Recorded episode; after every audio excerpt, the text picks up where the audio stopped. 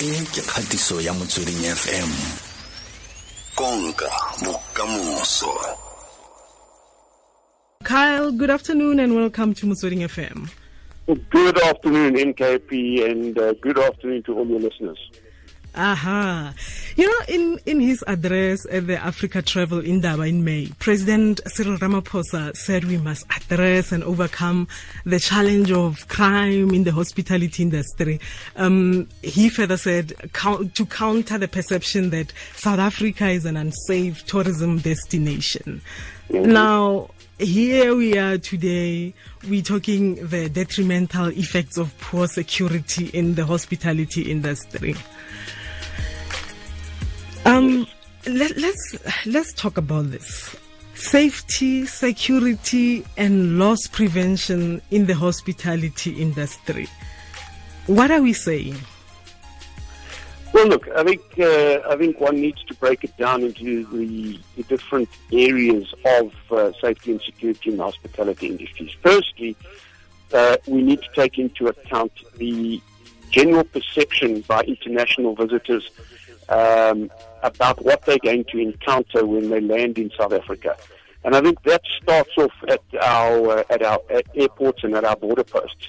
Now, I mean, mm-hmm. if you ra- if you land at an airport, uh, OR Tambo, for example, and uh, before you've even managed to arrive at your hotel or destination, you are hijacked or, or robbed on the road um, and removed of your, your dollars and your clothing and everything else. That mm-hmm. information, um, apart from being hugely psychologically uh, ha- having an impact on the victim, that information spreads across the globe very quickly. So mm-hmm. we need to have a look at safety and security of individuals, families, businessmen and women arriving in our country and how mm-hmm. they're able to travel safely from one part of the country to the next. Mm-hmm. Then we've got to look at the uh, we've got to look at the hotels, the bed and breakfasts, um, the resorts, etc., where our guests and uh, visitors to the country are going to stay. Now, again, if they're staying in hotels and, and uh, uh, uh places within the hospitality sector where security is poor, um, their belongings are stolen by employees working in these hotels, which is very mm. common, unfortunately. Um, foreign currency it's is taken us. out of their purses and handbags. Jewelry is stolen when they leave it in their rooms. Again, it creates a perception that we're a lawless society, and it creates mm. a perception that uh, it's not worth coming to South Africa because you, one way or the other you're going to be taken or ripped off. Um, mm-hmm. So I think when the president makes those statements, he's making them on the back of uh, some very valid information and, and evidence that exists uh, that there is a problem in the hospitality sector. Uh, but one needs to understand it is not just at hotel level; it is uh, the entire experience that is compromised. Mm-hmm. Now, um, is risk management part of these key features in this industry of safety and security? Absolutely. I mean, you know, one cannot have any form of security, and it doesn't matter if it means locks on your doors at home or if it means burglar proofing on your windows at your office. You cannot have any form of security without accurate risk assessments. I mean, risk mm-hmm. assessments is the understanding of what potential risks may befall you and then countering those risks with certain uh, strategies, whether they be physical strategies or whether they be manpower, etc. But one needs to understand risk first and then build a strategy around it. Mm-hmm. And Kyle, tell me, how important are these elements to the industry as a whole, and what happens if not well managed? Well, if, if, if not well managed, we would slowly just uh, descend into a state of complete anarchy because, uh, I mean, the amount of money that is generated through tourism um, is a huge and very significant amount um, that contributes to the overall uh, running of any country. And South Africa mm. is no different. And we have seen it, we know firsthand that there are many, many, many visitors from around the world, and not just holiday makers, but business mm-hmm. visitors and investors who are choosing to stand back and not come to South Africa because of the, uh, the perceptions of crime and the fact mm-hmm. that they don't consider hotels to be a safe, secure place to retire to at night when they finish their business or their work. Um, and that is very sad because that ultimately means that people are going to lose jobs. Um, mm. The hospitality sector is going to eventually uh, fade away to a large extent. And that will mean, um, again, just unemployment and, uh, and crime's going to escalate. Mm-hmm. And now, what are some of the imperative tips for what hospitality establishment need to look out for to ensure they have good security? Well, the first thing is they need to make sure that they have the correct people employed. So they need mm-hmm. to do their background screening and their pre-employment uh, screening adequately. So they need to make sure that the people they're employing into positions, people of trust who are going to go into your rooms and clean the rooms, make the beds, um, etc., work in the bars, work in the restaurants, are trustworthy people and they don't have a history of, of criminal activity. They need mm-hmm. to make sure that uh, these people are well trained and receive the required training to do the job that they need to do. They need to mm-hmm. make sure that security is in place. And when we say security, we're talking about manpower, uh, a visible presence to deter crime, as well as make sure that things like CCTV cameras um, and uh, locks and door locks and uh, key control, etc., are in place, so that visitors mm-hmm. to the hotel feel comfortable, feel safe, and uh, and are quite happy to leave their room knowing that when they come back, everything's still going to be there. Mm-hmm. Um, the security industry in South Africa, how are you working with the government to solve this problem? Well, I think that's a, that's a very valid question. The problem is, to a large extent, um, the government themselves uh, can hold themselves to blame um, because of corrupt tenders um, and awards for contracts being given to companies that can't produce or can't deliver.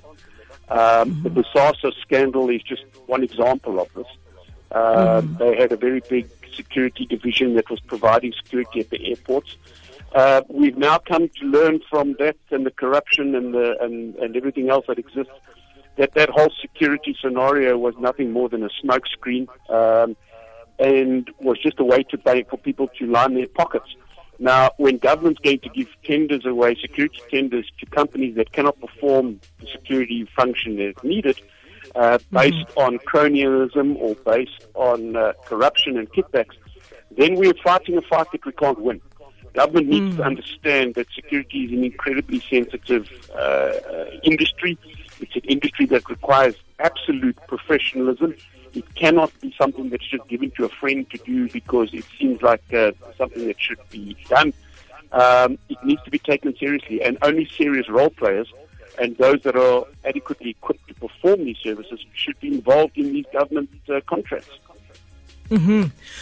Afrika Borwa ke golagane le Kyle Condon re lebeletse kganye ya gore um tshireletsego le pabalesego mo industering ya bojanala mo nageng ya rona ya Afrika Borwa. Gongwe o na le potso kgotsa o eletsa gore a ka go tlhabe matlhale ka sengwe. Ka nna re tshwara mo um o ka nna wa tla wa re tshwara mo 0898605665 ra tla re kgona go utlwa gore wena dintlha tsa gago ke tse di feng tse o eletsang gore o atle a go nneele tsona um kyle who should be responsible for the security? Does it depend on the industry or uh, the industry stakeholders? Are you talking about who should be responsible for the security industry or the hospitality or security the hospitality. the hospitality that, well ultimately i think there's there's a responsibility by local government as well as uh, as well as the government uh, nationally uh, when it comes to our key points like uh, the airports and the border posts and then at, uh, at private sector level the company is responsible for uh, transporting and housing tourists to our country. Uh, hotel owners, um, hotel management groups, um, the casino management groups and owners. Those are the type of people that should be taking responsibility and uh, spending the money in the correct way on the correct security. Mm-hmm. Um, it seems like we have a call on the line. Tsidi kakwa abu Tsidi kakwa lesetlheng. Hey, I'm Tsidi, Re teng le kae?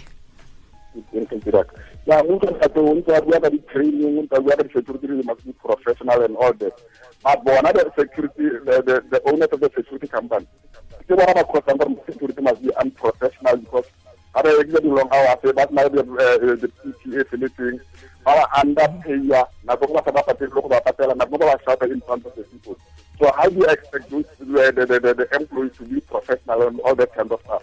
Ka mo they say that because of go radio mara being the owner of the company o ka wa ba kry not necessarily ene ga ka ba kry-a bona ba bua di-employees tsa bona you won't believe the owner of the company because you will shout even in front of the in front of the guest how do you expect the, the employees to perform? Ka leboga mm -hmm. Um, Carl, did you hear him? Hello? Kyle? Hi, sorry, yes. Um, Abu Tsidi is complaining about the security companies that most of the security companies they are underpaying their people and they are working long hours. They are not friendly. Um, and how are you expecting them to be professional when working under those circumstances? I think he makes a valid point uh, to a certain extent. I think one needs to understand um, that a security company that adheres to the uh, the labour laws and the, uh, the minimum wage as prescribed by our industry controlling body, which is CIRA, those security companies are paying the staff uh, what is prescribed, and in some cases are paying them more than what is prescribed. The problem mm-hmm. comes into it where we have too many fly-by-night security companies um, that are using illegal immigrants to do their work for them, and mm-hmm. they uh, mm-hmm. they can operate and pay those staff very little wages, meaning that the companies, the hotels, for example, are hiring companies um, that they don't have to pay a large amounts to every month, and mm-hmm. ultimately that transpires or, or, transpires back down to the, uh, the, the security guard or the security officer who gets a, a, wage that is way below what he should be earning. I mean, that is a valid mm-hmm. point. But if mm-hmm. you didn't have fly-by-night companies, um, if you didn't have chances and people who uh, who were taking tenders and doing things for jobs for backhands, you wouldn't have this uh, this type of illegal practice taking place. Um, mm-hmm. And security companies, unfortunately, uh, are also in a competitive environment. Uh, they've got to make their pricing structures equal to what their competitors are doing. Um, which means that even if you wanted to pay your staff uh, higher fees, you can't because you're never going to get the contracts that you need to do that. So um, it's, it's, it's a vicious circle. Uh, mm-hmm. But it's one that has to be eradicated by the industry um, controlling body, which is CIRA. That's a serious predicament. Um, Mojaramani, uh, wena wa reng Hi, Zeriak. Yes, Mojaramani. Dumedisa kabinete ka fomo. Aha. Eh ke ya go bua ka security site ka gore ke itse bokao ba yone. Bothata ba security ke gore mongwe tla ba na le tender a kry-a madi a boitshegang dimilione tsa diranta ga a tshwanetse a patale rona babereki gore fa change. Yaanong ga re etse mmereko ka lebaka la go rata. Re etsa mm. mosebetsi ka lebaka la gore as long ke bereka. Mm-hmm. ke yone mathata okay. Eh, ka bokhutshwane o boeletsa se uh, a botshedi na se bua kgante jana. Ke go lebogile mojaromane kyle? Yes. Yeah, he was just complaining as well about the circumstances, the, just like Abuti Tsidi, working longer hours, being underpaid, and all that. Um, yeah. Maybe in conclusion, Let's talk about the importance of knowing where threats and weaknesses lie within the hospitality facilities. Mm-hmm. Mm-hmm. Well, look, I mean, there can only really be two places where these threats lie. The first would be from external threats or sources. So that would be from syndicates who uh, are targeting hotels, targeting uh, the various hospitality establishments knowing that the victims there or the potential victims and targets are easy pickings.